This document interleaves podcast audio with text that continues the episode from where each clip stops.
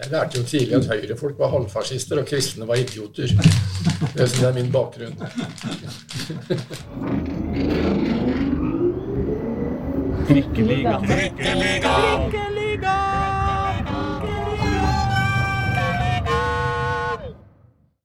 Mine damer og herrer og andre, velkommen til Trikkeligaen sesong 4, episode 9. Og eh, nå har vi forflytta oss ut av eh, studio opp til beste vestkant, hvor vi nå, eh, jeg, Aslak Borgerstue, og partner Reidar Solli sitter her og gomler is midt, midt på blanke formiddagen. Og den har vi fått av deg, Egil Roger Olsen. Takk skal du ha. Ja, vær så god. Det er Drillo-is. Den er veldig grei, den, altså. Jeg, jeg syns den er helt utmerka, Ja. Ja, det synes jeg også. Men du har den i fryseren, liksom? Ja da. I Ja. det kommer noen gjester innom? ja, nemlig. Så eh, de, de spanderer det på meg. eh, Diplomis. Så jeg får det jeg vil av Drillo-is. Du har stor fryser? Ja da. Dere har fløteis med krokankuler, karamellovertrekk og cornflakes. Ja. Og dette har du sjøl vært med å bestemme innholdet av. Ja, jeg husker jo det på 90-tallet, da jeg var med på å, diskutere dette her. Jeg hadde vel eh, den her på annenplass av sånn fem-seks eh, varianter. Jaha. Eh, Jeg hadde en med, med, med ja, noe jordbærgreier som nummer én. Okay. Hadde den her på annenplass, men det var sikkert lurt. Jeg tror sånn brunt og Det der selger visst ganske bra. Okay. Og det har vist seg at det han har han jo gjort. Men jeg mener, jo jeg har lest at du var mest begeistra for sjokoladeis. Er det, er Nei, det, det stemmer ikke. det stemmer ikke, nei. Nei, stemmer. Feil igjen, da, fra, min- fra min side. Men jeg har lest at cornflakes i sin tid ble oppfunnet som et middel for å dempe unge menns libido. Sier du det, ja? Ja, jeg veit ikke om det er sant, Det vet ikke jeg heller. men det er ikke det som er den eh, hemmelige baktanken bak eh, Drillo-isen. Nei, men det er god, i hvert fall. Ja da. Vi tenkte at eh, vi skulle eh, eh, At vi skulle snakke med deg om Oslo-fotball, vi. Det er så Ja. mange som du snakker om landslaget, men eh, du snakker så lite om Oslo, liksom. Nei, det var jo fire lag i øverste divisjon eh, en periode, da jeg spilte sjøl. Ja, så Jeg var jo oppvokst på Da jeg skjønte, begynte å skjønne fotballen, var jeg på 60-tallet. Og da jeg vant, da var det jo skrevet i stein at det var fire Oslo-lag ja. på øverste nivå. Ja da. Og mm, kanskje skal vi gå rett dit. Altså den, den, eh, den mm, ene kampen du spilte for Vålerenga i 1965, eh, da du kom fra, fra Fredrikstad og østsida, Ja. det var da av alle lag mot Everton. ja, I det som het, da het Messeby-cupen. ja slags europacup som eh, Ja. eksisterte den gangen. Men det var fordi at, eh, at Lyn var opptatt i serievinnercupen, og Skeid var i cupvinnercupen. Så da var det bare messecupen igjen til, til Vålerenga. Ja. Men den ene kampen mot Everton, hva, hva husker man fra den? Dette var altså eh, Jeg har til og med datoen her. Det var altså 14. oktober 1964. Goodison Park. Ja. Hva skjedde? Nei, vi tapte 4-2, da. Men Ja. eh, vi leda 2-1. Og du skåra? Jeg scora. Ja. Drilla av. Men det jeg husker best fra kampen, Ja. det var jo at eh, bonden som sto i mål da, for Vålerenga, ble skada, ble liggende nede, så ble jeg stopp i spillet. Så kom jo ballen bort til meg, da, så begynte jeg å trikse litt. Men jeg var flink til å trikse, jeg, liksom, ballen rulla rundt på nakken og sånn. Så hadde glansnummeret mitt var at jeg banka den ganske høyt opp i lufta og legger den død på nakken. Mm. jeg tror det var noen og 20 000 tilskuere der. Reiste seg og More, more, more. det hadde jeg ikke sett før. Jeg leste et referat fra et sånt eh, Everton-magasin, eh, tror jeg en eller annen fanzine, eh, at, at du også spinte ballen på nesa. Var det sånn du drev med? Nei, ja, ja, når jeg sto der og triksa, så gjorde jeg sikkert det. Ja. Men ikke under kampen, nei. nei, nei, nei men, men du kunne spinne ballen på nesa. Ja. Ja, jeg, la den på, på huet og inn på nakken og lot den trille rundt og sånn. Ja, jeg fa- lærte litt av Tore Hansen, som var sånn såkalt verdensmester på dette her, Ja. fra Fredrikstad. ja. Ja. Han hadde visst- visstnok en såkalt uh, uoffisiell verdensrekord på, på 60 000 tilslag. Jaha. Du gjør vel eh, Jeg har gjort dette her sjøl. Jeg har gjort 18 000 en gang. Og eh, du gjør 6000-7000 i timen. På et eller annet tidspunkt må du jo gå veldig lei. Ja, det er klart det. det, er, det er, du gjør det liksom bare for å sette noen rekorder og ja. Da, da holder du så ballen i lufta i mer enn to timer, da. Ja. Ja. Ja. Med alle, alle kroppsdeler? Nei, ja, teller jeg bare. Har den på beina stort sett, da, vet du. Ja, ok. Ja. Dette gjorde jeg på Hjerkinn, i militæret, husker jeg. Jaha. Med en gummiball, faktisk. Jeg mista den til og med på, da jeg skulle hvile med ballen på nakken, og så var jeg litt for kjapt opp, og så mista jeg den. Ok. Da hadde jeg gjort ca. 18 000. ja, altså, du hadde egentlig tenkt å fortsette lenger? Det var ikke at du ikke gadd mer? Nei, nei, det var ikke det. Jeg mista den. Men gir dette Det at du, du var en sånn type fotballspiller, eh, har du, får du litt ekstra hjerte for det, de andre som er sånne, sånne type fotballspillere? Osame Sarawi eller sånne driblefanter og leikende spillere, men som Ja, jeg var ikke så stor driblefant som mange ville ha det til. Jeg var ikke det. Og største styrken min som fotballspiller var veldig enkelt. Det var, det var farta. Jeg løp jo 60-meteren på, på under, eh, under sju. Så jeg var hurtig. Det var den største styrken jeg hadde, tror jeg. Og så hadde jeg lært meg sånne relativt enkel venstre-høyre-finte som jeg lærte av Garincha i sin tid. Ja. Jeg var borte og så på han, jeg, vet du. Første i VM 1958 er vi da. Da haika jeg til Gøteborg alene og så på Sovjetunionen mot Brasil. Og sto tett inntil et gjerde og hadde Garincha bare noen meter fra meg. Som kjørte rundt med den russiske venstrebekken. Så, og, og der lærte du høyre-venstre-fintene? Ja, venstre-høyre-finte. Man Ja. gikk jo alltid til høyre, vet du. Ja. Og han var keivbeint òg? Er det sånn halvt Ja, det? ene beinet var relativt mye kortere eller Ja. lengre enn det andre. Så Men du dro aleine, ja. ja, haika frem og tilbake alene. Var 16 år. Det er, det er liksom litt som å dra på kino aleine. Man ja. går gjerne fotballkamp sammen med andre, gjør man ikke det? Eller vi andre. Det er ingen som haiker nå lenger. Nei, det er sant. Eh, det, men det, den gangen var det ganske vanlig. Mm. Så Det er for stor risiko da. Det er blitt farlig det å haike, sier ja, de. ja, det, det funka bra for meg. Men apropos finter, du, har da, du skrev en særoppgave senere, så jeg, om, om, eh, om finter. Eh, En slags meny, meny av, av finter? Ja, jeg skrev en artikkel om finter, men jeg har vel, eh, hovedoppgaven min var jo skåringer i fotball. Ja. Det var liksom hvordan mål blir skåra, sånn generelt. Men du skal ha, en- du skal ha en særoppgave hvor du har beskrevet um, En særoppgave, da er vi på liksom ungdomsskolen, da, eller sånt, kanskje? Jeg var på idrettshøyskolen. Å, ja. 90 Du registrerte 90 finter i løpet av en kamp. Ja vel. Dette husker du kanskje ikke? Nei, det husker jeg ikke. Det husker jeg ikke. Det veldig mange. jeg syns det hørtes mange ut. Ja, det syns jeg òg. Men, eh, men, eh, men eh, du dro altså til Vålinga, spilte én kamp og dro du, du, du spilte ikke retur, eller det var bare returkampen du spilte, da? Ja, om dette her var første eller andre kamp, ja. det var vel Det var returkampen i, på Goodison Park. ja. ja. Men også dro du hjem igjen? Ja, Så ble jeg overtalt av Øssia til å ta et år til i Øssia, og så spilte jeg et år til i Øssia, og så gikk jeg til Vålerenga året etterpå igjen. Ja. Ja. Ja. ja, for da, tett på den, på den kampen mot Everton så fikk du også din første landskamp. Altså, altså mot, um, mot um, Danmark. Ja, det stemmer. Jeg debuterte mot Danmark, ja. Bortekamp i, i København, Ja, bortekamp. som var tre, dag, tre dager før dette her. Ja, vi, vi slo Danmark til og med. Ja, Så ikke pga. meg, men uh, Ivers tror jeg skåra målet. Ok. Vant 1-0. Ja. Men det var jo Ja, litt pussig det der, den uh, vekslinga mellom Fredrikstad og Oslo her, da. Altså dette med Du var jo veldig Du var, veldig, du var vanskelig å rikke på. Så det, det var for at du studerte her i, på Blindern at du, kom- at du kom til Vålerenga. Ja da, det, det var derfor jeg Ja, og det var litt rart da at jeg, jeg pendla jo da ut til Østsida og spilte kamper eh, året etterpå. Ja. Det var litt slitsomt, det naturligvis, og var ganske dumt òg, men eh, det var liksom ikke like lett å bytte klubb den gangen som det er nå. Nei. For det, det var ikke noe penger å snakke om den gangen. Var det ikke sånn at du ikke fikk lov til å trene med Vålerenga fordi du spilte for Østsida? Ja. Eller, ja, jeg trente ikke med Vålerenga. så du trente for deg sjøl? Ja, Ja. I den grad jeg trente i det hele tatt. Ja, det var såpass, ja. Ja, altså, Jeg trente vel, men ikke noe sånn fotballmessig. Det var dårlig. Ja. Så jeg spilte kamper for Østsida. Så ja. Hvor gammel, hvor gammel er du? Da er dette liksom ungdom... ja, vi snakker jo om på 64-65, ja. Ja, så jeg var litt over 20 år, da. Ja. Mm. Så Men så kom du da tilbake til Vålerenga i året etterpå. I 66 ble det da. Ja, 66-67 spilte Ja. jeg i Vålerenga. Ja. Og så ble det Sarp i 68, 69, 70, 71.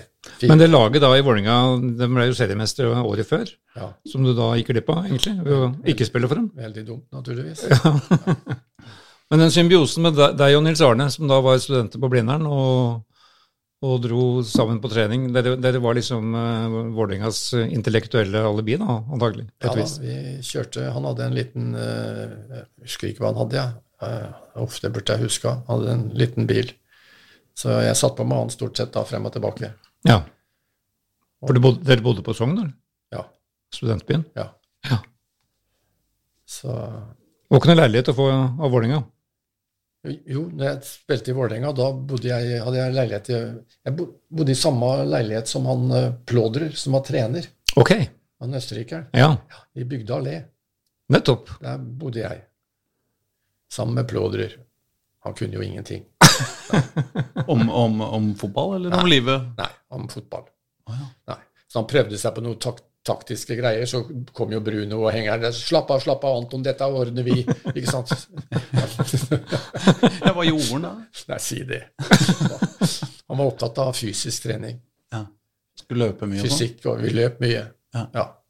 Nei, sånn taktikk fotballmessig så tror jeg han var ganske blank. Men var det vanlig på den tida, eller er det litt sånn sprøtt? Trening var, vel, var mye fysikk den gangen der, og det var ikke så mye taktikk. Nei. Men, det var, men de måtte jo til Østerrike for å finne denne karen. Da. Det må jo være grunnen til at de henta han, liksom. Ja, ja, Det var vel Helmut Steffens det, da, skjønte jeg, som, som henta han. det er mulig. Det vet Ja. jeg ikke nok om. For Helmut Steffens var da altmuligmann rundt Vålerenga, han som ordna alt. Både henta spillere og trenere og Han var jo det som den, den gang man kalte oppmann. Ja, Det uttrykket er jo borte. Men Han var litt sånn altmuligmann, han. Ja. eh, Helmut. ja. Nei, vi har jo, har jo hatt hengeren som gjest eh, her, her eh, før. Han, han, nevnte, han mente at han Plodder var best på baking, så han, han lagde østerrikske wienerbrød. Ja. Så de kalte det bare, bare for bakeren. Sånn. Ja. Det var treneren. Oi, oi. Det er noe som har endra seg. Ja da, det er mye som har endra seg med fotball. Vi ser på fotballen i dag selv, eh, trenger ikke gå mer enn 10-15 år tilbake, så ser vi at det har endra seg veldig mye de siste Ja. 10-15 åra. På godt og vondt. Hva har endra seg positivt nå? Nei, spillere er, er bedre. Ja. Bedre ferdigheter individuelt. Og så er det en del andre utviklingstrekk som jeg syns det er rart ikke man har klart å få gjort noe mer med. altså. Se på det der forferdelige greiene nå med, med, med filming og drøying av tid. Ah. Og så spillere nå som får seg litt av han i skuldra eller i ansiktet, de stuper over ende og ruller tre ganger rundt og holder seg liksom over eh, Er til å bli kvalm av, ikke sant? Og et lag som leder 1-0 nå, og det er fem minutter igjen, så er det- blitt en selvfølge, naturligvis, at eh, spillerne legger seg ned og later som de er skada for en drøye tid. Det er ikke noe hyggelig. Men, men eh, bare til, det, når vi først vi er på moderne, moderne utviklinga, da. Er det, altså, når du ser eh, eh, disse internasjonale toppklubbene, som, eh, så presser jo dem eh, like høyt som, som du holdt på med, og heftig. Ja, vi pressa både lavt og høyt, vi, da. Men, og det, Men opptatt av det, da. Opptatt av liksom Ja, ja. å skape overganger og ubalanse også. men jeg, det er ganske tilfredsstillende å se at eh, fremdeles så ser jeg toppklubber gjøre feil defensivt som vi aldri gjorde på 90-tallet. Det syns jeg er litt gøy. Hvordan da? Nei, plutselig kan du se en, en, en, en sideback som ødelegger offsiden, f.eks., for, eksempel, for de kan holde linja. Mm. Det skjedde ikke med norske landslag. Nei. ja, det er faktisk riktig. Men, men, men syns du at liksom hvis, sånn i, jeg, jeg har liksom ikke helt språket for å diskutere sånn utviklinga i fotballstrategi og taktikk eh, sånn som eh, du har, men, men, men oppfatter du at sånn liksom i det store og i det strategiske, som hvordan fotballen utvikler seg nå, er, er liksom eh, i, i, i tråd med, hvordan, med dine ideer, eller er det i motsetning, eller er det begge deler? Nei, det er, nok eh, det med possession, altså det å styre kampen og ha ballen mye i laget, er nok nå prioritert høyere enn det, det jeg gjorde i min tid. Så Det syns jeg ikke laget er flinke nok til å vurdere motstanderen. Du må jo vurdere hva du skal gjøre i forhold til styrken i eget lag kontra styrken i motstanderlaget. Og Det syns jeg mange lag ikke er flinke nok til, men for all del når det gjelder eh, ferdigheter og Du ser jo tempoet i spillet er mye høyere. altså Duellen er tøffere. og så, så tempo eh, har økt ganske kraftig de siste 15-20 åra. Hva, hva, er det man kan gå på? Hva, er det mer å gå på? Sånn, hva kan man forbedre? Rent taktisk syns jeg fremdeles de gjør ganske grove feil. og det, Ja. tyder jo på at det er mulig å bli enda bedre, da. Det var jo det vi på mange måter eh, profitterte på på, på 90-tallet. At vi var lenger framme enn mange andre rent eh, taktisk. Ja. Og vi hadde ikke verdens beste spillere, vi, men eh, vi spilte Ja Kan du stille dere spørsmål? Etter at jeg overtok landslaget i 90, 91, så tapte vi tre kamper på rad på Ullevål stadion. Tapte for Sverige 2-1, privatkamp. 1-0 for Sovjetunionen, kvalikkamp. 3-2 for Tsjekkoslovakia i en uh, treningskamp. Altså tre tap på rad. Og Så kommer spørsmålet hvor mange kamper spilte vi etter det uten å tape på Ullevål stadion? Før vi tapte neste kamp. Vi tapte tre på rad i 91. Men så Ja, Det var vel da det begynte å aldri tape, da, sikkert? Ja, men For det var jo en periode der hvor det, hvor det virkelig ikke kom et tap på veldig lenge. Ja, Vi tapte altså ingen kamper i Norge i 92, 93, 94, 95, 96, 97, 98. Tror det er comeback i 2009. Tapte ikke da heller. Så neste kamp vi tapte, var en privatkamp i 2010 mot Ukraina. Tapte 1-0. Gedigen keepertabbe av Jon Knutsen. Og du er fortsatt litt irritert på Jon for det? Da hadde vi spilt 35 kamper uten å tape. Ja. 35 på rad. Ja. Og vi var eh, tre ganger på annenplass på Fifa-rankingen. ja. Nei, jeg husker, jo, jeg husker jo fortsatt din debutkamp på Bislett, Ja. mot, mot, mot Kamerun. Ja, Som det sies eh, i etterkant at det var egentlig Jon Michelet som eh, fikk i stand. det er mulig. Noen rykter om det, jeg vet det. Men det var en takknemlig oppgave. Ja, de kom jo helt uforberedt og dårlig Ja, uforberedt og dårlig forberedt. Ja. Ja det var, det var det laget som var overraska mest i VM samme året, men ja. som det sier, de kom jo hit både, det ble sagt både sultne og frosne. Ja. Og, og 6-1. 6-1, ja. Ja. En liten fun fact der er jo da dagens Lyn-trener, Jan Halvor Halvorsen, ja. han spilte sin siste landskamp i den kampen. Han, Ja. han kom inn som innbytter. Akkurat. Så, han, så du vraka han som da midtstopper på landslaget etterpå, men det var hard konkurranse da om de plassene. Det, det skjønner jeg jo. Ja, ja. Ja. Men vi har jo lovt hverandre å ikke snakke om landslaget. ja, det er vanskelig, vet du. Oh, ja. Nei, for det, for det, det, Det er min skyld altså, som ødela det. Nei, for, det, det, for det jeg lurer på, du, du nevnte jo Plodder som, som den første treneren. Og det virker på meg som du hadde eh, ganske problematisk forhold til trenerne. Du hadde jo Willy Kmen på landslaget, og, og det var jo heller ikke noen match for deg. Nei, for han eh, spilte jo ikke landskamper under han, jeg. Nei, du gjorde ikke det, Nei, for du fikk ikke lov. Nei, Nei. han likte ikke meg. Det var helt tydelig. Ja. Hvorfor, hvorfor gjorde han ikke det? Nei, altså det Han var sånn litt sånn perfeksjonist. Jeg, jeg spilte jo med uh, trøya utapå buksa, med strømpene nede, og jeg, så, alt det som han hata, tror jeg. Og så var han jo østerriker, så jeg ser ikke bort fra at det kunne ha noe med politikk å gjøre. Det var jo en del østerrikere som sto ganske langt ifra det jeg sto for, for å si det pent. Men så var det litt spesielt da. Det var jo ikke landslagssjefen som tok ut landslaget. Det var, et, var jo UK, ja, ut, ut, uttakningskomiteen, Oi. Som serverte et gjeng spillere til landslagssjefen.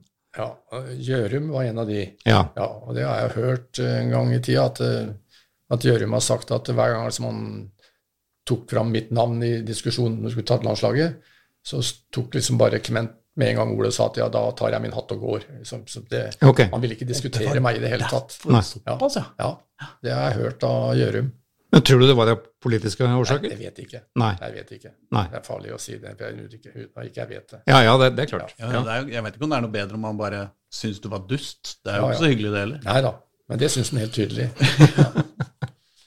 Men det sto da i en eller annen, en eller annen sak, husker jeg, at, at Willy Kment innførte da eh, hoppetau og høydestativ på, på fotballtreningene.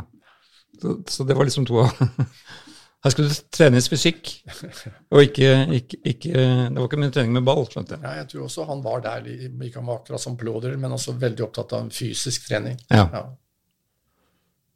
For det kom jo, det var- vel var ikke enda en utenlandsk trener i Vålerenga også på, på slutten her, som, hvor dere ble sendt på løpetrening rundt den der dammen på Valle i, Ja. istedenfor å være på feltet. Jeg husker ikke hva han het, men det var vel noe Ja, det har vi et eller annet sted. Det forsvant.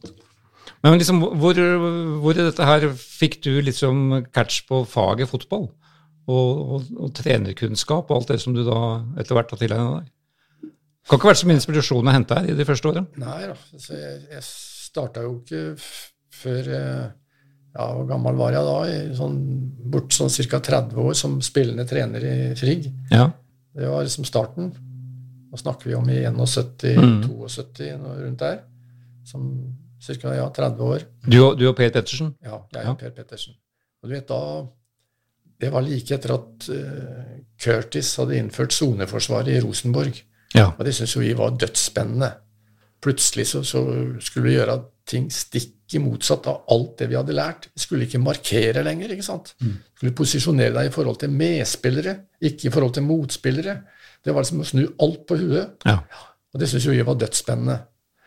Og når da første sesongen med Curtis i Rosenborg Den gangen var det jo bare ti lag i øverste divisjon. Det betyr 19 kamper Nei, ja, 18 kamper, ikke sant? Mm, 18 kamper, ja. 18 kamper. Vet du hva målforskjellen til Rosenborg var første året? 18 kamper. Målforskjellen, det er ikke til å tro. 15-5. Oh. 15-5. Og tre av de fem måla var straffespark.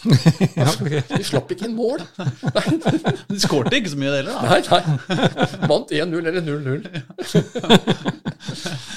altså, dette var George Curtis. Men hvordan gjorde de det i serien? Vant dem? Nei, jeg tror faktisk jeg tror, jeg tror de ble nummer to, skjønner du. Ja, ja. Jeg lurer på det. Ja, det stemmer Men den målforskjellen den eh, er jo ganske fenomenal, da. Ja. 15-5, det, det, er sterkt. Ja. En hel sesong. Ja. Så, han, så det, det, tok jo vi Vi gjorde mye feil. Vi var dårlige på, på, pumping, ikke sant? så vi slapp inn en del rare mål. Men etter hvert så begynte vi å lære dette her, da. Ja. Så vi ble ganske flinke etter hvert i, i Frigg òg. Så Frigg var et av de første lagene som, som, innførte Vi var tidlig ute. Vi var før svenskene. Jaha. Mye lenge før svenskene. Ja. De kom jo med Svennis, og de kom ja. etterpå med soneforsvaret og gjorde det jo veldig bra. Ja. Men vi var først, altså. Ja. Ja, så kom Gunnar Bengtsson til Vålerenga på 80-tallet. og det var jo også veldig... Litt senere, naturligvis. men... Ja. Og Det er litt rart. da, Når du ser på liksom Nederland og Tyskland, de kom jo ikke med soneforsvar før mange mange år etterpå. Nei. Holdt jo på med markering og sviper i mm.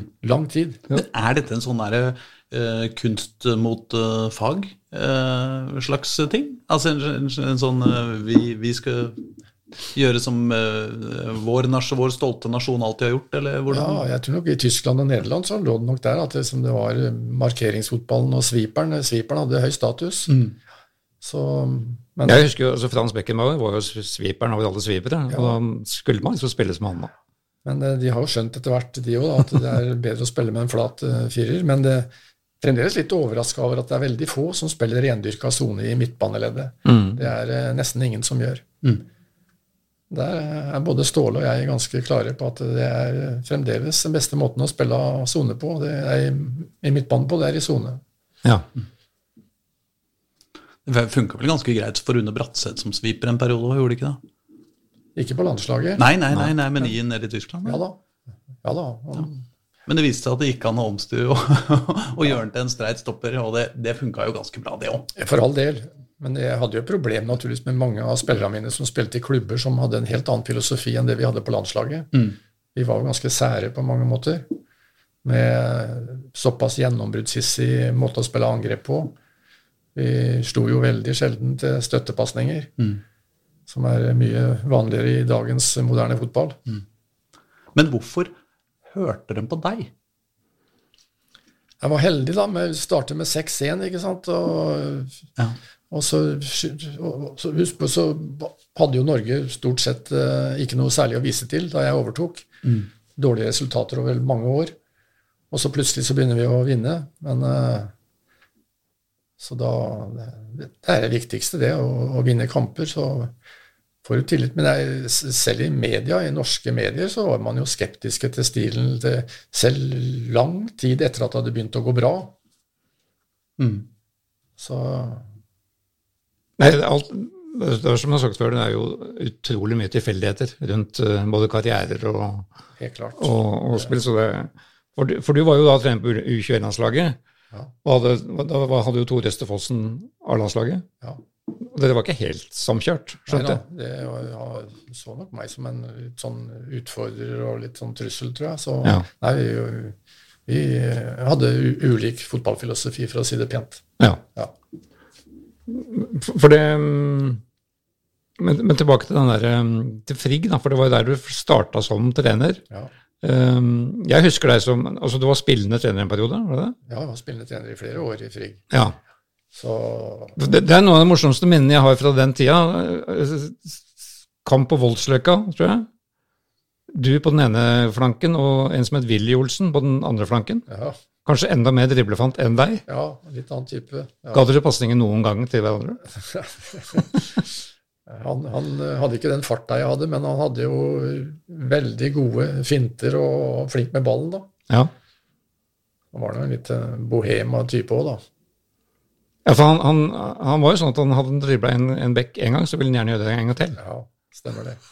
Ja, hva mener du med det? At han var bohema-type? Var, var det- Nei, han var veldig spesiell, men eh, hyggelig fyr, for all del.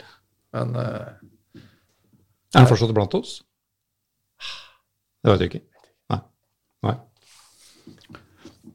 Men polit, politikken Ja, nei, men ja, men jeg, jeg, jeg bare kjente at du var litt sånn inne eh, Når eh, Bare på det der med hvorfor de hørte på deg, så syns jeg liksom eh, For meg så er det alltid vært litt sånn fascinerende, fordi du eh, er eh, eh, du, du, du er en annerledes type.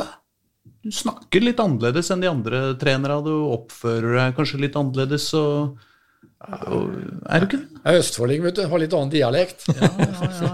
Tjukke l-er og dype a-er. Men likevel, ikke sant? Oi, du dro til England, og du ble kalt The Mad Professor fra første sekunden, ikke sant? Altså, det, det ja, Men ser du, ser, ser, tenker du på deg sjøl som liksom eh, er, det- er, som, som, no, som, en, som liksom annerledes fra de andre? Nei, jeg, Trenere? jeg er veldig litt opptatt liksom, av å spille opp til en spesiell type Nei, Nei, så jeg, nei, jeg er ikke så opptatt av de tinga der. Jeg er ikke så veldig opptatt av sånn psykologi heller, som mange er veldig opptatt av i trenergjerning. Så jeg, som jeg er veldig sånn firkanta opptatt av taktikk, eh, framgangsmåte, strategi. Det, dette er materialisten i deg som kommer fram, egentlig. Gjerne det. Gjerne Fra- det. Ja, For Vålerenga har jo nå igjen, igjen engasjert en mental trener, men det er sånn som du mener ikke er behov for? Nei, altså, jeg jeg skal ikke øh, kimse av det, men øh, jeg har aldri vært der. Jeg har aldri fått behov for det, og er vel litt skeptisk til det òg, men øh, for all del. Kanskje fordi jeg ikke kan nok om det. Mm. Så jeg har vel opplevd at jeg har vært situasjoner hvor jeg kanskje kunne ha trengt litt hjelp. øh. Jeg følte kanskje at jeg ikke var øh, flink nok øh, etter at vi slo Brasil. Da skulle vi møte Italia etterpå. Ja. Og etter en sånn eh, kjempekamp så liksom er det veldig lett å få en liten down. Og det, det var jeg klar over, men det klarte jeg ikke å gjøre noe med. altså. Nei. Vi spilte en middelmodig kamp mot Italia, og en kamp vi gjerne kunne ha vunnet hvis vi hadde spilt opp mot vårt beste. Ja. Vi kunne blitt verdensmestere. Ja, for det var ikke noe fantastisk italiensk lag i Nei, den det matchen der. det var ikke det. Nei. Bare en jevn kamp, og vi taper 1-0. var nesten ikke målsjanser i Nei, kampen. nei. Husker den? Marseille.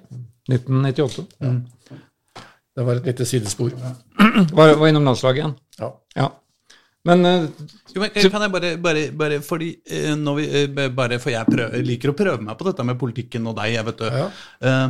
Er det et eh, dilemma når du kommer fra venstresida som på en måte er fellesskapsorientert, da, og, og eh, opptatt av kollektive framganger og, og ikke sant, sånn da, også, og og, og blir liksom stjerna. Og så er, eller at fotballen, Sjøl om fotballen er et lagspill, så er det også ekstremt stjerne-ener-styrt. Ja, det, har, det har blitt, bare blitt verre og verre, egentlig. Mm. Sånn, som, men jeg, har aldri likt den rollen. Aldri likt å være i, i fokus og det Nei, så Jeg trivdes veldig godt med å være sånn eh, B- eller C-kjendis, men eh, jeg ble jo Mm. A-kjendis etter hvert, da, og det likte jeg mye dårligere. ja. Men tror du ikke det kan være ganske altså Apropos når vi snakker om hvorfor de hørte på deg, da. Tror du ikke at din, din personlighet eh, eller sånn det, det, styrker deg også, på en måte? Nei, Jeg innbiller meg at det først og fremst var resultatene. Når du spiller 35 kamper uten å tape vet du, på Ullevål stadion, så, så, så regner folk på at du har, har gjort noe fornuftig. Jo, jo. Jeg, jeg ser den, altså. Nei, for det er et paradoks. eh, Du skapte jo Gjennom de kampene så skapte du jo ganske mange proffkarrierer indirekte. Ja da, det, Altså disse, disse spillerne hadde ikke blitt oppdaga hvis det ikke Norge, altså Landslaget var jo utstillingsvindu. ja da, nei, I 90 så var det ikke så mange norske spillere i, i England, men det ble jo veldig mange etter hvert. da. Ja. Så der, eh, ja, der, der, der ligger det noe. Um, um, du skylder meg en sofa. Eh, fra eh, Dere spilte med Vålerenga borte i, i Istanbul. Og jeg hadde ikke råd til å dra dit, så jeg satt og så den sammen med tre kompiser hjemme hos meg. Og i, jeg tror det var idet dere gikk opp til 2-3, at det var fire mennesker som hoppa sånn omtrent en meter rett opp, og så landa ned i den sofaen. Som ble ødelagt. Ja, det ble veldig. Det var, det var, ikke, det var ikke håp om annet enn å brenne den eh, på, i ommen dagen etter. Men, eh, men eh, hvordan var den, den opplevelsen der for deg? Nei, det er en av de store opplevelsene, det. Og mm. vi, vi vant jo 1-0 i, i Oslo først. Vi må, vi må kanskje bare sette situasjonen. Altså, som Europacup mot Besiktas Ja. i 1998, etter at du hadde blitt Vålerenga-trener. ja Europacup. Ja. Ja. Etter den 97-sesongen som jeg er så glad i. Ja. Eh, Så kom du inn. ja. Og så, vet, så vet du at er, den gang så telte jo bortemål eh, ekstra. ja. Sånn at eh, vi kom jo under 3-0 til pause der nede, og da, liksom, da regner alle med. Men vi, vi var jo da klar over, eller jeg var i hvert fall pinlig klar over, at det holder med to mål. To mål, så er vi videre. ja, for du hadde en plan, du, hvis det skulle stå 0-3. Ja, jeg hadde det. Så, Ja. Og det gjorde du. Ja, Vi, vi, snakka om det før kampen, faktisk. Vi var inne på det der. At det, som, vi, er, vi er ikke slått ut før vi skårer fire mål. Nei. Og det gjorde de aldri. Altså, det var ikke nok med at det ble 3-2, det ble jo 3-3 til og med. Ja, ja. Men, men en av de tinga du pleier å Eller jeg mener å innbille meg at det er du ofte siteres på, er at alle, når en virkelig trenger mål fem minutter før slutt, så dunker alle baller inn i boksen. Så hvorfor gjør man ikke det gjennom hele kampen? Ja, er Så da er jo spørsmålet ditt Hvis du hadde en plan for hva dere skulle gjøre hvis dere lå under med tre, hvorfor gjorde dere ikke det fra starten? Nei, det er jo det er vel Stig Mathisen som har kommet med den her. Når han Ja, ble spurt om hva slags spillestil Kjelsås hadde. Ser Stemmer ikke, det. ser ikke hvordan lag som ligger under 1-0, spiller når det er fem minutter igjen. Sånn spiller vi hele kampen. det er jævlig bra sagt. ja det, Men hvordan, hvordan var planen din? Husker du det?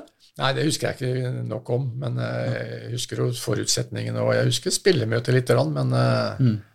så eh, ja, for det hadde Jon Carew og, og det var vel han og Kjell Roar Kaasa som var ganske sentrale i den matchen. Ja, klart, Carew, når bakrommet var stort, så, så var han gull verdt. Han løp jo fra det meste. Ja.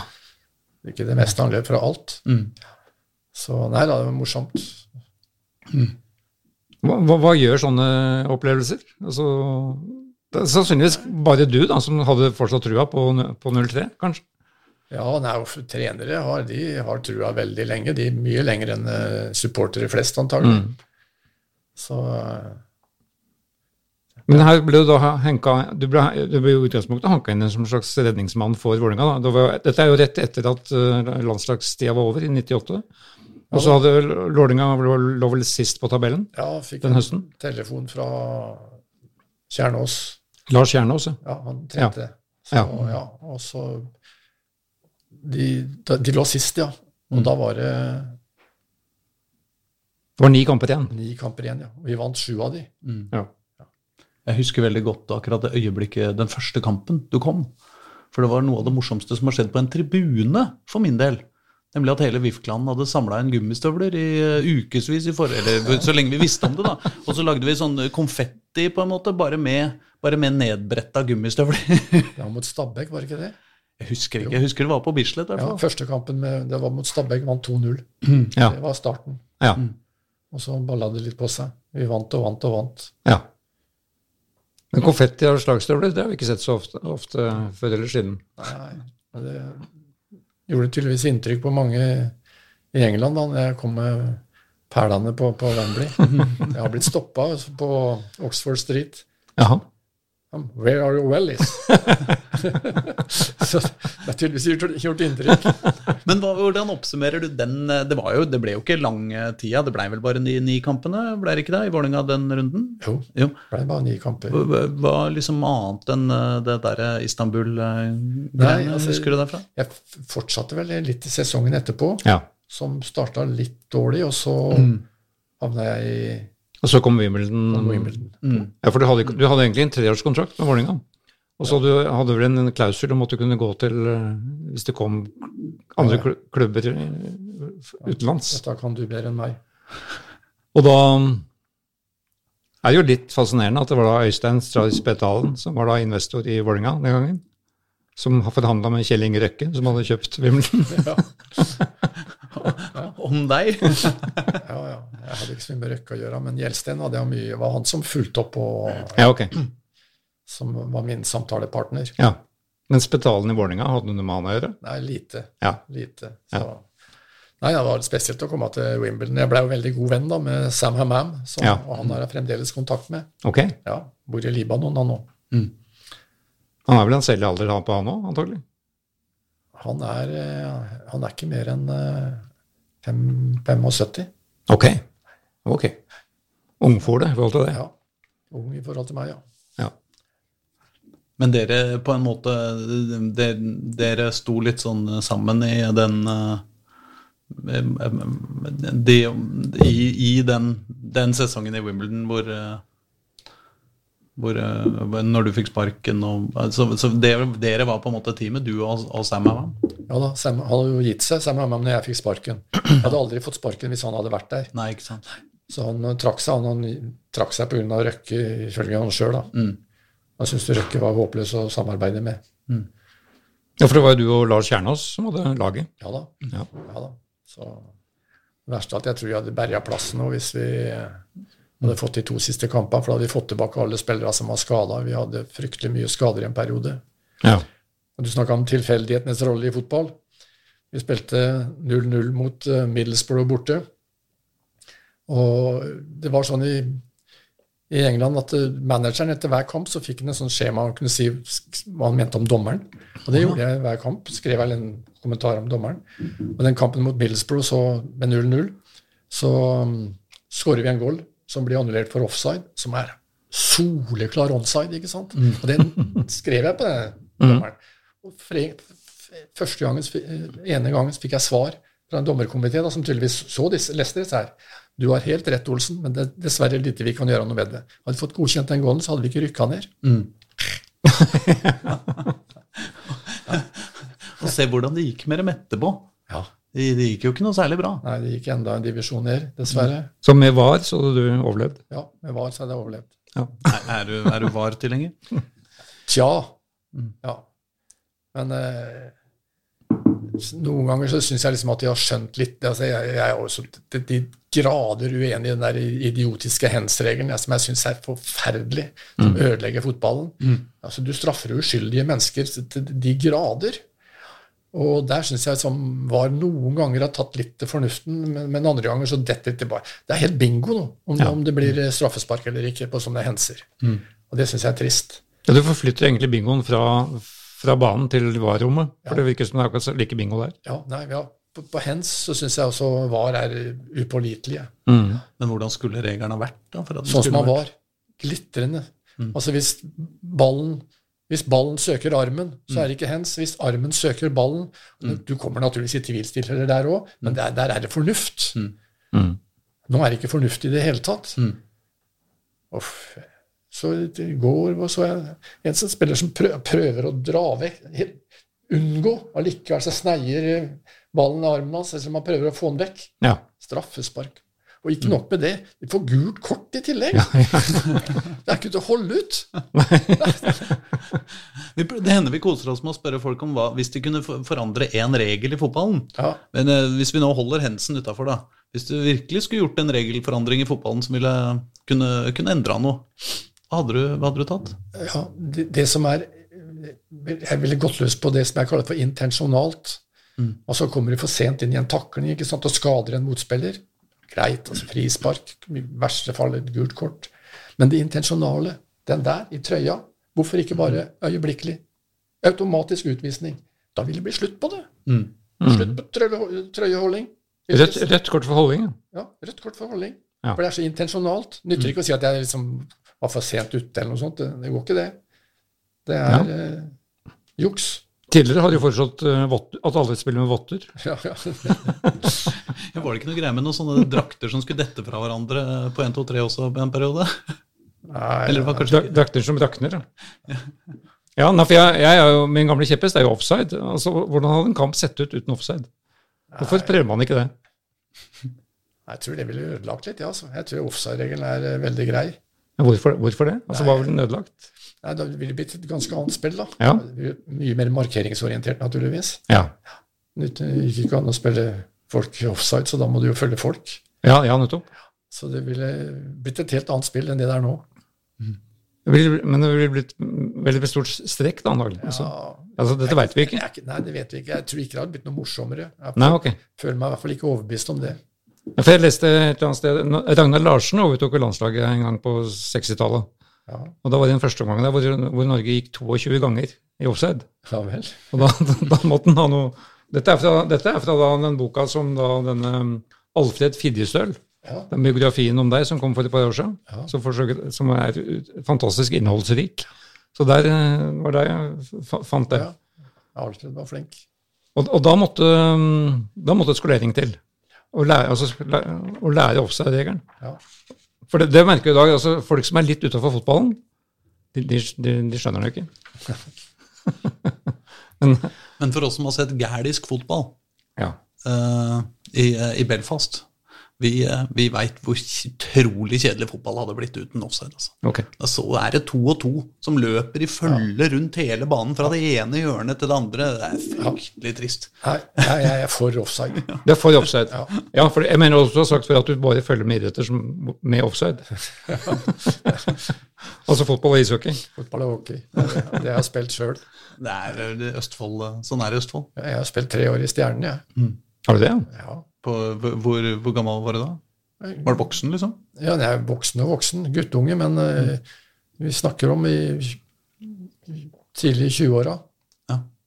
Spilte jeg for Stjernen. Var det, sånn at, var det sånn at det ble et valg for deg mellom fotball og hockey, eller var det Nei, nei, nei, Nei. Den gangen var det fotball om uh, sommeren og hockey om vinteren. Ja. ja. Sånn er det jo ikke lenger. Nei. Jeg starta med bandy, spilte bandy i St. Croix noen sesonger, og så ble det hockey etterpå. Det er nesten Egebergs ærespris, det her.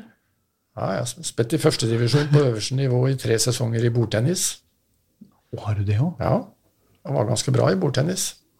Ja, det var til og med bordtennis, men det var bordtennis som satte stoppe for landslagskarrieren nå. Du ble skada i en kamp se, mot, uh, mot Toro. Ja, det stemmer det. Gamle Skeid-kaptein Tor Egil Johansen. Og hva du husker, altså. Ja, ja.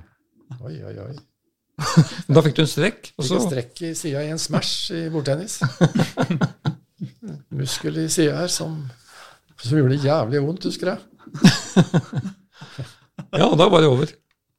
Så det ble 16, det ble 16 landskamper. Ja, Man kan liksom se for seg at bordtennis er en av de minst skadeprega ja idrettene, men jeg ser den. Ja, Men Frank Olavsen, jeg vet ikke om han fikk Egerbergs, men han hadde jo landskaper både i fotball, ishockey og bandy. Ja vel. Han skeide stopperen Ja. på 70-tallet. Jeg var ikke i nærheten av noe landslagsnivå, verken i hockey eller i bandy. Nei. Men i bordtennis? Ja, jeg spilte i førstedivisjon, men jeg, jeg var ikke blant eh, Jeg var ikke blant de tre-fire beste i Norge, nei. nei. Nei, Langt ifra.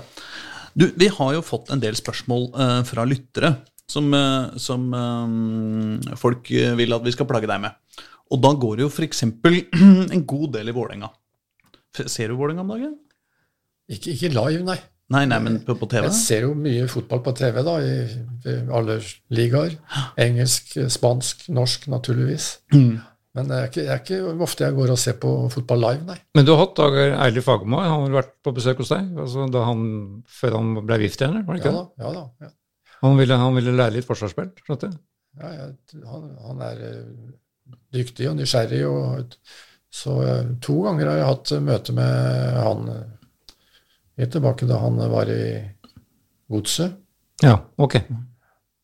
Men, eh, men eh, Um, nå er jo Vålerenga i en uh, litt sånn uh, tung tid, særlig nå i offseason har det jo vært uh, ikke helt, ikke helt der det skal være. Så det er jo mange som spør egentlig om hvorfor, hvordan, hvordan kan man fikse Vålerenga. Liksom? Hva, hva, skal, hva, skal, til om dagen for å, for å få Vålerenga opp, opp, og stå igjen? Det, det, er ikke jeg i posisjon til å si noe særlig om. Altså. Det, det skal jeg ikke prøve meg på engang. Hva som Vålerenga bør gjøre for å, å bli enda bedre. Det må andre svare for.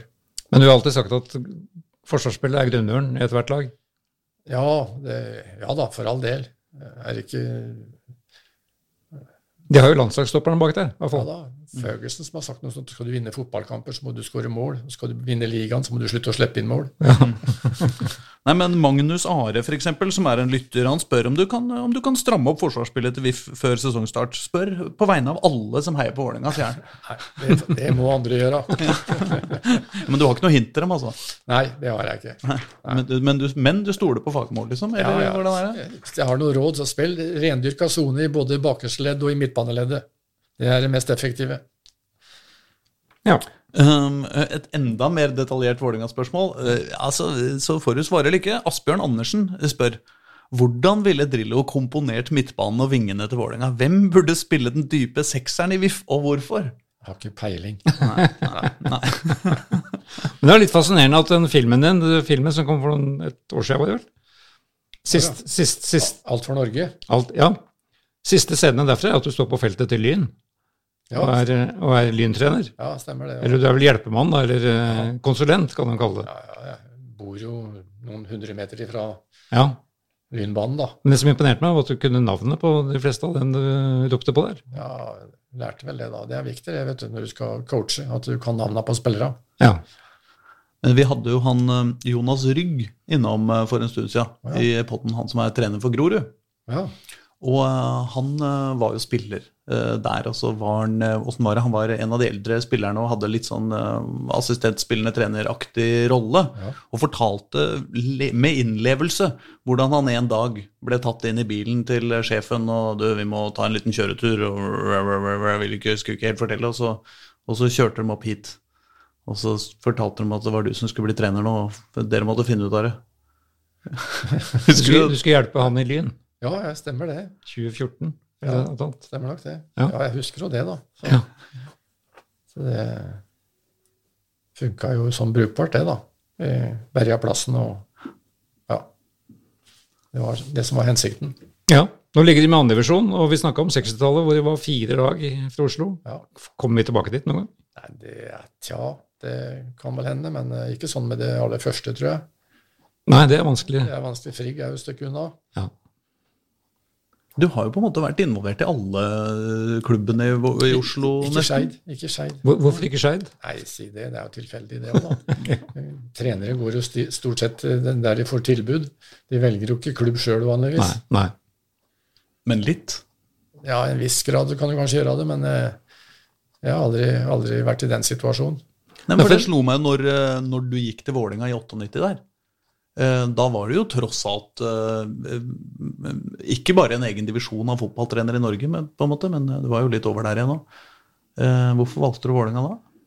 Nei, jeg, Min gode venn Kjernås da, ringte, og liksom, nå er Vålerenga litt ute og kjører. Må jeg kunne hjelpe til litt? Og det var jo fremdeles da såpass uh, fotballnerd på den tida at jeg syntes dette her var litt spennende. Så jeg tror til og med jeg var oppe i Sunnmørsalpene da han uh, ringte. Ok. Så, Så det var bare sånn? Var ikke da, at, da var det ikke 40 agenter som ringte rundt uh, fra de forskjellige klubbene og Nei. prøvde å finne ut av hvem som kunne kapre deg? liksom? Nei da. Det... Det, hvorfor, men hvorfor var det ikke det, da? Du hadde jo altså ti, med universets beste historie bak deg med det norske landslaget. Ja. Og hadde akkurat slutta. Man skulle jo tro at det var umulig å komme ut av døra her, fordi det var så mye folk som ville ansette deg. Syv år uten tap på Ullevål. Mm. Ja, Du hadde jo tilbud fra Marseille, og du hadde tilbud fra Celtic. Ja da, det hadde jeg. Celtic var vel bikkjene som så på? var det ikke det? Ja, Marseille så Bikkjene dine er Ranger-supportere, er det noe? Nei, jeg hadde, jeg hadde, ikke kunnet tatt de med. Nei, mm. pga. karantene. Ja. Mm. Så Men Marseille, det, det var jo vel under VM, eller Kjørte jo- foran VM? vel? Kjørte jo helikopter sammen med Dreyfus, Henri Dreyfus. Han eide Marseille. Ja. Og var nede og så på forholda og det, Men det, det var jo like før VM, ikke sant? Så det var vanskelig. Oh, ja. Så vi gjorde en avtale hvis ikke Marseille ble nummer én eller to den sesongen som jeg da sa nei takk til, så skulle jeg overta. Så ble de nummer to, da, så han fortsatte, han treneren som var der. Mm. Så jeg var veldig nære på å havne i Marseille. Det hadde vært spennende, det, altså. ja, for det hører med at du kan flytende fransk. Nei, jeg har fransk mellomfag, men Ja. jeg vil ikke påstå at jeg snakker flytende fransk. Nei, men jeg leser jo godt fransk, da. Ok. Og snakker sånn litt uh, hakkete, men uh, ja. Ja, for jeg har, har også hentet fra boka di et morsomt, morsomt sitat her som du er um, Som du er um, liker. Fra Camus. Sett deg et mål i livet, og du er fortopt. Albert Camus, ja. Ja. Han var en av favorittene, han, vet du, hos franskstudentene. Han eh, Eksistensialist. Camus og Jean-Paul Sartre Ja. var liksom eh, begge ihuga ateister og filosofer. ja. For det hører jo med i den tida, jeg vet ikke om du er sitert på det, eller om, men, men det står i hvert fall i boka at du, at du var imot profffotball. Altså som, som vesen. Ja, sånn i, starten så var jeg vel kanskje det, men altså det, sånn som utviklinga har blitt, så, så ble jo det litt vanskelig. ja, det blir litt vanskelig. Men, hvor, men hvor nær var det? Altså, det ble sagt at både Leeds, Leeds var ute etter deg, og, og det var flere engelske klubber, men du sa tvert nei liksom før det ble noe snakk om det. Ja, det var vel aldri så aktuelt heller. Så det mest aktuelle, det var eh, Celtic og, og Marseille, ja. ja. Men nå var jeg da sånn, på sånn spiller Nå. På, på 60-tallet, når du var spiller? spiller. Å ja. Nei, da Nei, det var det egentlig aldri, aldri snakk om. Nei. Nei. Så det, for Drillo, den, den, den, navnet oppstod jo i, i um, 63-64, tenker jeg. Eller nei, det var vel i 64 mens du var i Vålerenga? Ja. Per Skjerven Olsen. Per Skjerven Olsen, ja. Lille-Petteren.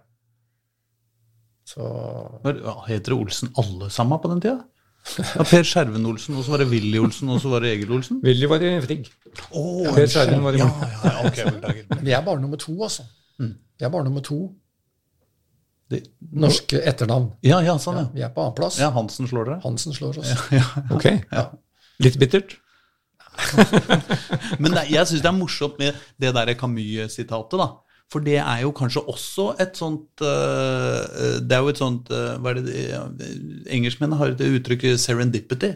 Litt sånn derre hvordan tilfeldighetene spiller til din fordel, på en måte. Eller liksom et, et eller annet sånt. Jeg, kan, jeg er ikke så god i språk.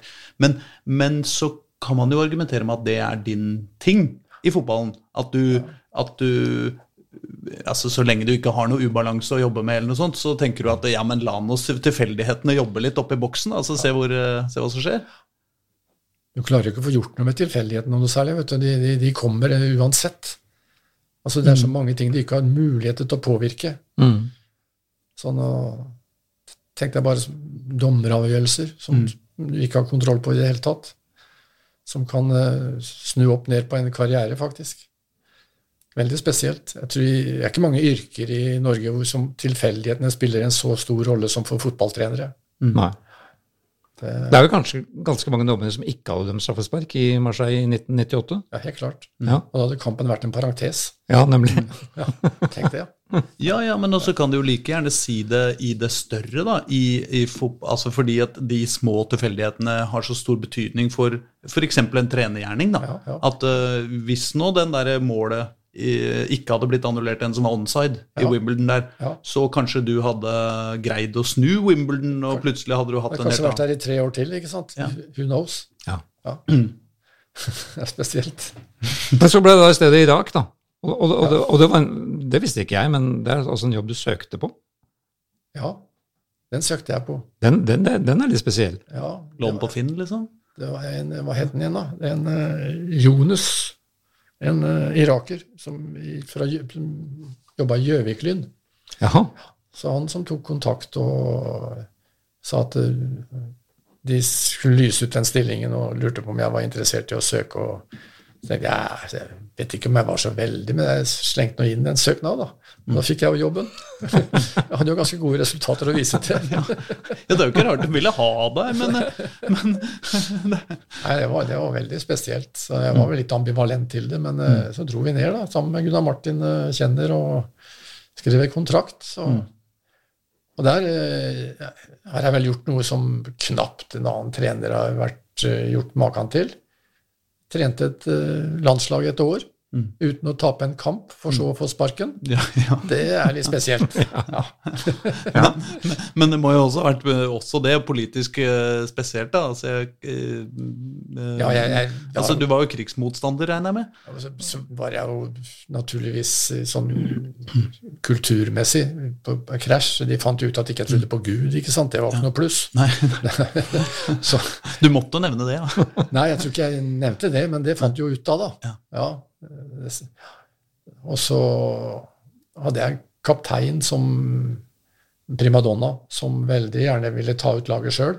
Mm. Sammen med fotballpresidenten. Så de kom jo til meg liksom og sa ja, denne kampen her må han spille spiss sammen med Jonis Mahmoud, som spilte spiss. Han var liksom stjerna på laget. De, de var jo Asiamestere, vet du. Ja, ja. Mot alle odds da jeg overtok. Så det var jævlig sånn uheldig tidspunkt å overta de på. Liksom, de kunne jo gå bare én vei.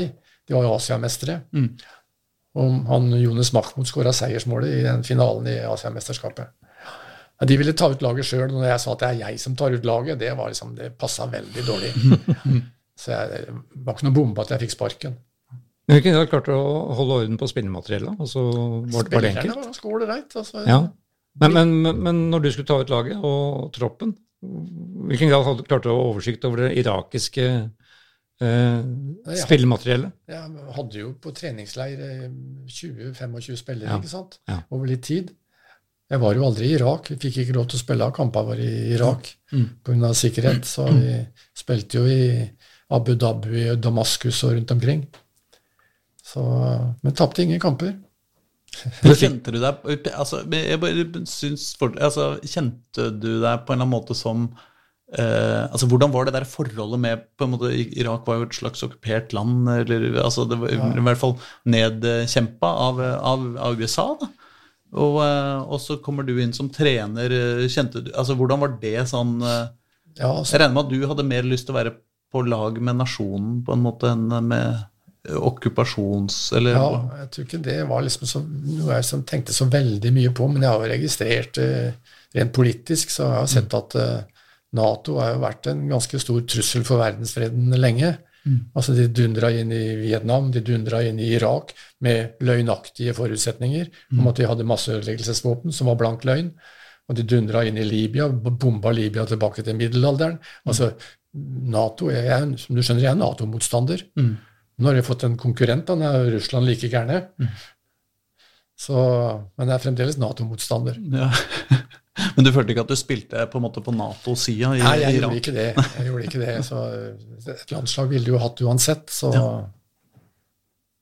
Du får ta en runde med Jens Stoltenberg når han kommer, når han kommer hjem til høsten. Han, han bor jo egentlig rett borti gata her. ja, jeg har hatt den på besøk her, jeg. Du har det, ja? Ja da.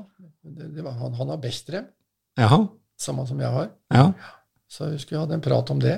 ja. Men det er mange, mange år siden. ja. Så Nato var ikke tema da? Nei. det var ikke. Han kan ha vært Nato-motstander sjøl, da. Jo, jeg tror det. Jo, det tror jeg. Ja, Det er det verste. Han bare forandra seg med tida. det. Ja, det er lov, det. Ja, ja. Um, Ja, for det, men du fikk jo en, du fikk jo en erfaring Det må jo ha vært en eh, ganske eksotisk opplevelse, da. Ja, det den tida i Irak. Naturligvis så var det det. Du fikk et uh... Ja da, men eh, det var jo Det var jo Vi, vi hadde et treningsleir, lå vi på en idrettshøyskole. Og du, du vet eh, i, i kantina på en idrettshøyskole. Så kvinner der, og menn der, ikke sant. Og tok jeg på meg badeutstyr og kjempeflott sånn badebasseng og sånn der. Og sånn, Today women only. ikke sant? Det er en kultur vet du, som er veldig fremmed for oss. Ja, Ja. Men var det, var, var det eh, et eventyr på en, på en kul måte også? Ja, det var jo det. Og spillere minna meg om norske spillere. Du fant liksom de samme typene der. Ja. Du fant ledertypene, du fant unnasluntrerne, du fant klovnene. Altså, veldig likt. Ja. Ja. Ja, Og jeg fikk et godt forhold til spillere, innbiller jeg meg sjøl. ja. Ja. De syns kanskje du var en eh, raring også? ja, ja. For det er jo Otto Ulseth, var ikke det? Jo da. Ja. ja da. Otto er flink, vet du. Ja, ja. Ja, Men du kunne jo fått flere eksotiske opplevelser. Jeg husker du sa at du hadde fått tilbud fra et annet land, men du ville ikke si hvilket. Hvis vi... Du, du ga vel høyden på fjellet i, i landet? 7570. 7570, og så måtte vi finne ut Bhutan. Bhutan. Bhutan. 7570, ja, det, det er ikke så mange å velge mellom da. Gangkarpe Vensum. Høyeste fjellet Nei, det er, det, er ikke, det er ikke så mange land i verden som har fjell over 8000 meter, vet du. Dette, dette kan jeg veldig mye om. Ja, for du, du driver fortsatt på turné sammen med Arne Skeie og, og quizer. Det gjør vi. Ja. Så Er det, er det miks av geografi og fotball? ja. Ja. Vi hadde, I forgårs var vi gjensidige her i byen. Jaha. Hadde quiz. Fotball og geografi. Ja. Her, har du tenkt på hva, hvorfor, eh, hvorfor du pugger dette greiene? Nei, så Det, det starta på folkeskolen, og så har det gått litt i bølger. Men det starta med hovedsteder, og så har det balla litt på seg. Men nå, nå har vi jo de quizene, da. ja. Og jeg er liksom en såkalt geografiekspert. Jeg skal være med nå han Tørnquist og det derre eh, Globus rulett, hvis dere har hørt på det. Med han eh, Gunnar Garfors og Torkil eh, Gundersen. Ja. De kjører et sånt program. Ja. Nå skal Tørnquist og jeg være gjester okay. nå i slutten av måneden. Ja. Og da blir det jo mye, mye geografi. Tørnquist er også sånn geografinerd. Ok. Hva er den høyeste toppen i Oslo? Kjerkeberget. Å. Kjerkeberget er høyest i Oslo. Men det er her oppe? Det, eller det Det er ligger, på, ligger på grensa i nord, helt nord i Nordmarka. Ja. Oh, ja. Vi er sånn 631 meter. Er ikke gærent. Jeg trodde det nesten var jeg. Nei da, Ikke i nærheten. det er ikke nærheten. Nei, ja, men Det er bra jeg ikke driver med det. Og vi, er, vi sitter jo nesten Vi er nær Oslos geografiske midtpunkt òg. De er jo ikke så langt unna her. Nei, Vi skal vel enda lenger nord, antagelig. Ja. Ja, så Nedre Blanksjø. her er vi på, ja, her er vi på 200 meter blank omtrent. Ja. Nettopp. Det er jo ikke noe. Nei, og, og, men quizen, det går på det, Klarer du å lage spørsmål som ikke kan, hvor du ikke kan google svaret? Ja, noen Altså hvis du har med quizer å gjøre, så kan du ikke spørre om hva heter hovedstaden i, ikke sant? For det vet de. Da må du lage litt sånt, eh, litt ekstra greier. Ja. Og det, det er ikke så vanskelig å finne ut eh, en del sånne litt finurlige Ja, Det er litt morsomt òg, da. Så du lager spørsmålene sjøl? ja, ja. ja. Ja. Men hvis, så har jeg gjerne med noen vanskeligheter på slutten da, som ikke det går an å google seg fram til. ja. Hovedstad i Europa på fem bokstaver. Bytt ut en av bokstavene med naboen i alfabetet, så får du en hovedstad i Afrika. Ja. Da liksom nytter det ikke å google, vet du. Nei. Nei. Nei, det, det, den, den, den kan vi ikke prøve oss på For nå. den er, den er to svar på. Nei, det er bare ett Du svar. Bare et, Ja, selvfølgelig er det bare ett svar. Ja, men Den får, uh, får vi se hvem av lytterne våre som er kjappest til å sende inn svaret på. Bytt ut H-en i Praha med en I, som er naboen i alfabetet, så får du Praia, som er hovedstaden på Kapp Verde i Afrika. Å, det er såpass. ja. Praha, Praia. Ja, den type Ja, ja. ja. Den skulle jeg brukt ganske lang tid på å komme meg fram til. ja, enda vanskeligere er liksom hvis du går helt fram til Det er én stat, delstat i USA som ikke har felles bokstav i navnet på staten og navnet på hovedstaden. Det er bare én. Det er South Dakota og Pierre. Men det er to land i Europa som tilfredsstiller det samme. ja. To land i Europa som ikke har felles bokstav i navnet på landet og navnet på hovedstaden. Det er bare to. Men, men, men. Den går an å ta. ja. Men da kan denne sendingen bli lang, merker jeg. Ja, men er ikke det rett borti her, da? Det er Polen og Warszawa og Liechtenstein og Vaduz. Det er de to. Ja, ok, så okay. var det ikke. Ja, for Jeg husker vi hadde det som gjest, jeg hadde en nordisk kongress for noen sportsjournalister her for ti år siden, tolv år siden, hvor det var noen finner, og du utfordra dem på det høyeste fjellet i Finland. Å, ja. Men da var vel, da var vel clouet at det, start, er det startet, eller det startet egentlig i Norge? Fi- ja, Altså grensa mellom Fjellet ligger i Norge, men det høyeste punktet i, i Finland Ja. er i den fjellsida Ja. som Nettopp. da ja, Haltia Tunteri. ja. Men toppen er i Norge? Ja, Ja. toppen er i Norge. Vi vant igjen. Vi vant. Men hvor, hvor, hvor nær var det den jobben i Vietnam, forresten? Nei, I Bhutan? Bhutan? Bhutan, ja. Nei, altså, de, de, de hadde jo ikke noe penger, de da, vet du. Ok. Så å snakke om, Og det var jo for så vidt Jeg hadde sikkert ikke forlangt mye, jeg, men jeg, det, Noe måtte du ha. det, det var Richard Pollard, altså eleven til Charles Reap, Jaha. som forsker, og som nå jobber ved et universitet i USA, han var der i Bhutan og, som, som holdt foredrag for noen forskere. Og så traff han presidenten i fotballforbundet. Så sier jo Richard Pollard at uh, Bhutan lå sist på Fifa-rankingen. Sist? sist ja, ja, sist på Fifa-rankingen. Og Da sier han, Richard Pollard at jeg kjenner han som er verdens beste til å trene dårlige lag. og da ble de veldig interessert. Ja. Så de, Han tok kontakt, Richard med meg, og spurte om han var interessert. og sånn, Men så like etterpå så fikk de en, en trener fra, fra, Japan som tok jobben gratis, hvor Japan betalte. Og, og da vant de faktisk et par kamper etterpå. Men det hadde jo vært veldig eksotisk da, å trent Bhutan. Ja, du, du, kunne fått noen hopp på Fifa-tenkingen nå, kanskje? Ja, kanskje det. og særlig siden en, av, en annen av drilloismene der ute er jo at uh, Brasil hadde blitt mye bedre med deg som trener. Så, ja. så uh, du, du, har på en måte sett for deg både, både den øverste og den nederste på ja. Fifa-rankingen og sett hvordan det skulle gått. Jeg fikk jo svar på tiltale av treneren til Brasil, altså Gallo, da vi spilte uavgjort mot uh, Skottland. Ja. Og da hadde jeg trent Skottland, så hadde, hadde slått Sko ja, Hadde jeg trent Norge, så hadde vi slått Skottland, sa han. Mm. Ja. ja, men det skal være litt sånn, skal det ikke? Ja, bare morsomt. Dette er bare morsomt. Dette får vi alle svar på. Men nå har vi brukt opp, brukt opp tida og vær så det, ser jeg. Ja, men, ja, det ser jeg. Vi har det. Vi skal men, uh, takke for oss, eller takke Så trivelig at vi fikk komme. Ja, vært hyggelig det, altså. Og takk for isen. Og men hvilke oppdrag i fotballen har du nå framover? Er det med landslaget? Igjen? Ja, første nå er jeg skal sitte i studio da, med de to bortekamper til Norge. Mot, ja. Mot Spania og Georgia. Spania, Georgia. Ja. Ja. Du syns ikke du savner å ta over Skeid eh, for å få oppfylt hele kabalen? Det, jeg, jeg, er fullstendig klar over at jeg har runda 80 år, så Og da er du på jeg, i ekstraomgangen, er det det du sier? Jeg skal ikke ta over noe som helst. Nei. Nei. Nei. Men da sier vi det sånn. Ha det. Ha det. Ha det.